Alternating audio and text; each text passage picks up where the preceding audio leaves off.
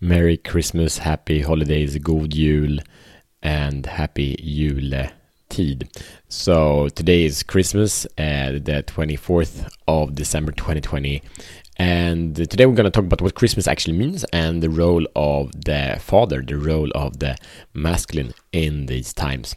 So, welcome to Show the Fuck Up podcast. My name is Matt Fyron, and this show is for men that are ready to free themselves from the prison of playing small and unleash their personal greatness. So, thank you for being here. Let's have fun and let's celebrate. So, I want to share a bunch of different perspectives, uh, different origins of the Christmas celebrations, and how we can integrate this into who we are and how we're showing up during Christmas time. But first, it's it's a time of, of celebration and recognition. And if you go back to the story, uh, we have, of course, the, the obvious story of the birth of Christ, the birth of Jesus happening on, uh, on Christmas.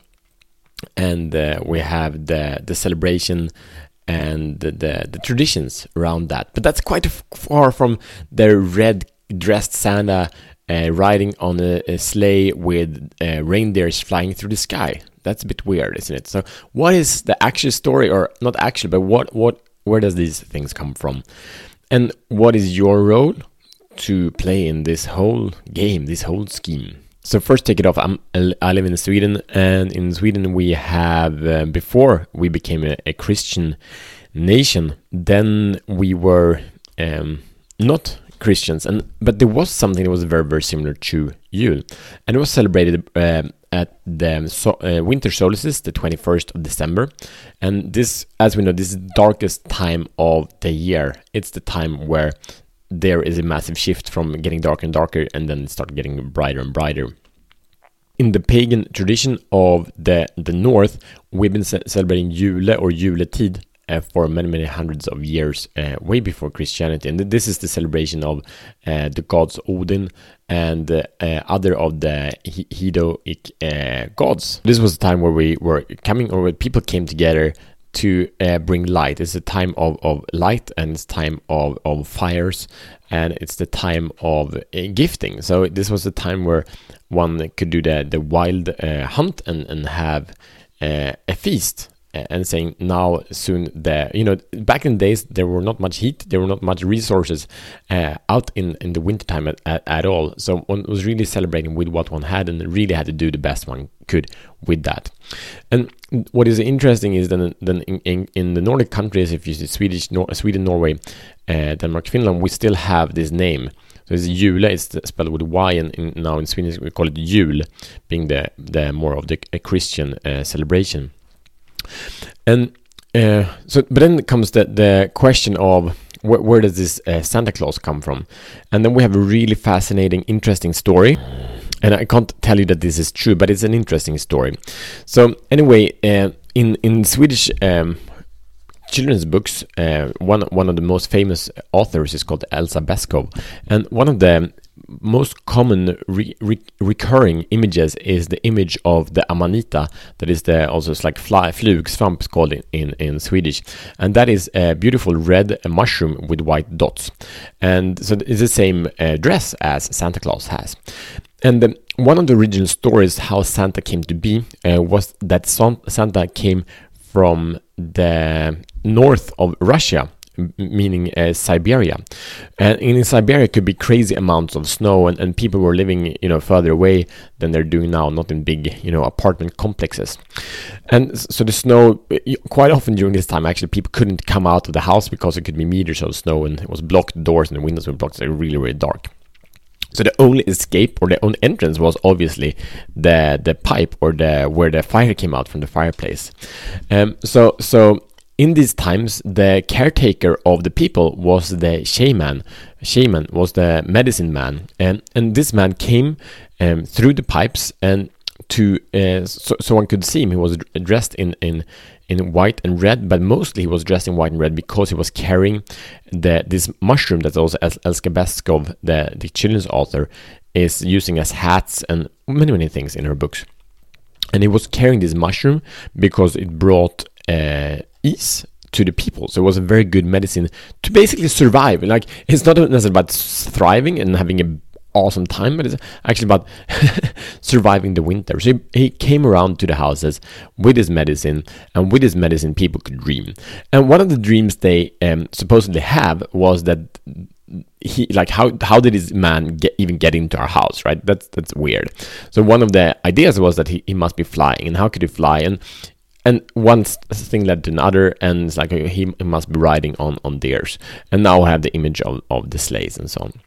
So that's one of the stories how uh, how why we're celebrating Christmas, why we have a Santa Claus, and of course now like these days, Coke has also made big commercial on uh, kind of being the Christmas man with the same colors, uh, red and white. And then back again uh, to Christ, uh, that has in quite a lot of the uh, pagan traditions in in Nordics uh, also like Påsk, uh, that's the celebration of uh, in in the Easter time.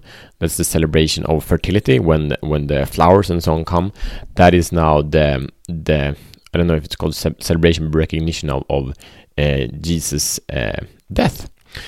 Uh, so these things fit together on the exact same date and being included and that's of course been a way for the new christians many hundreds of years ago to kind of take over the the celebration, the, the old celebration, um, and been more or less uh, violent as it's been throughout time. We don't need to put any judgment on that.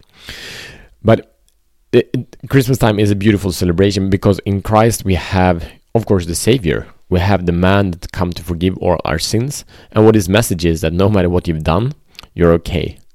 He gives forgiveness. He heals our wounds. He says, we believe that we are wrong. We have physical wounds. M- most of his stories are about physical wounds, but I'm also a strong believer that actually a lot about mental wounds and stress and anxiety because people have always had these things.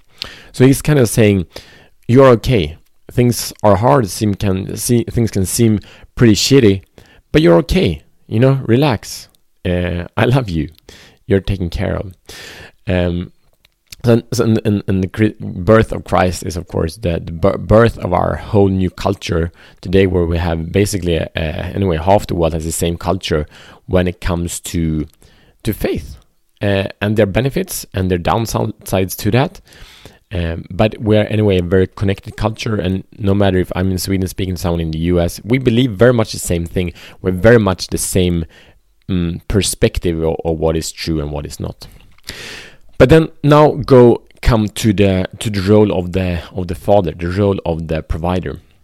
So one thing in, in Sweden, a, a Santa Claus is a bit different than he's in the US because in the US um, you guys don't see him because he's jumping down through the pipe and he's putting gifts in the in the socks, right? But in, in Sweden, uh, Santa actually comes and visit each and every family, and he is handing out gifts uh, personally, and it's really beautiful. I'm all, I'm still very excited about him coming, even though it might be uh, me dressed up as him um, doing that. But the role of him is beautiful because he's a provider, he's a caretaker, he's a, a generous man. He's again giving hope to the people, giving hope to the children, um, showing them appreciation for whom they are. In in Sweden, there's a, quite a lot. Um, know, the kids should be nice. They should be um, good, good kids. They get a lot of gifts. So it's quite a lot of, of shaming on the other side of that. But the essence of him is that coming with this recognition, with this goodness, with this caretaking through the gifts that he's been creating. And and that's what we as fathers do. We are providing, we're creating. It's physically, mentally, emotionally, and spiritually is also very practically through our labor. It is also financially.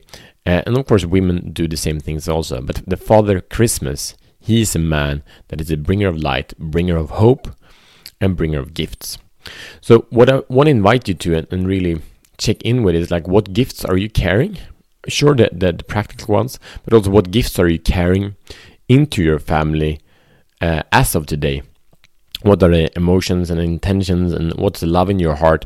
Uh, what do you wish them to feel and learn about Christmas, learn about magic? It's such a magical time, and, and a lot of kids, you know, they believe that Santa is there, but they don't, and they don't know, but they believe in magic. And how can you provide a more hope into this magic?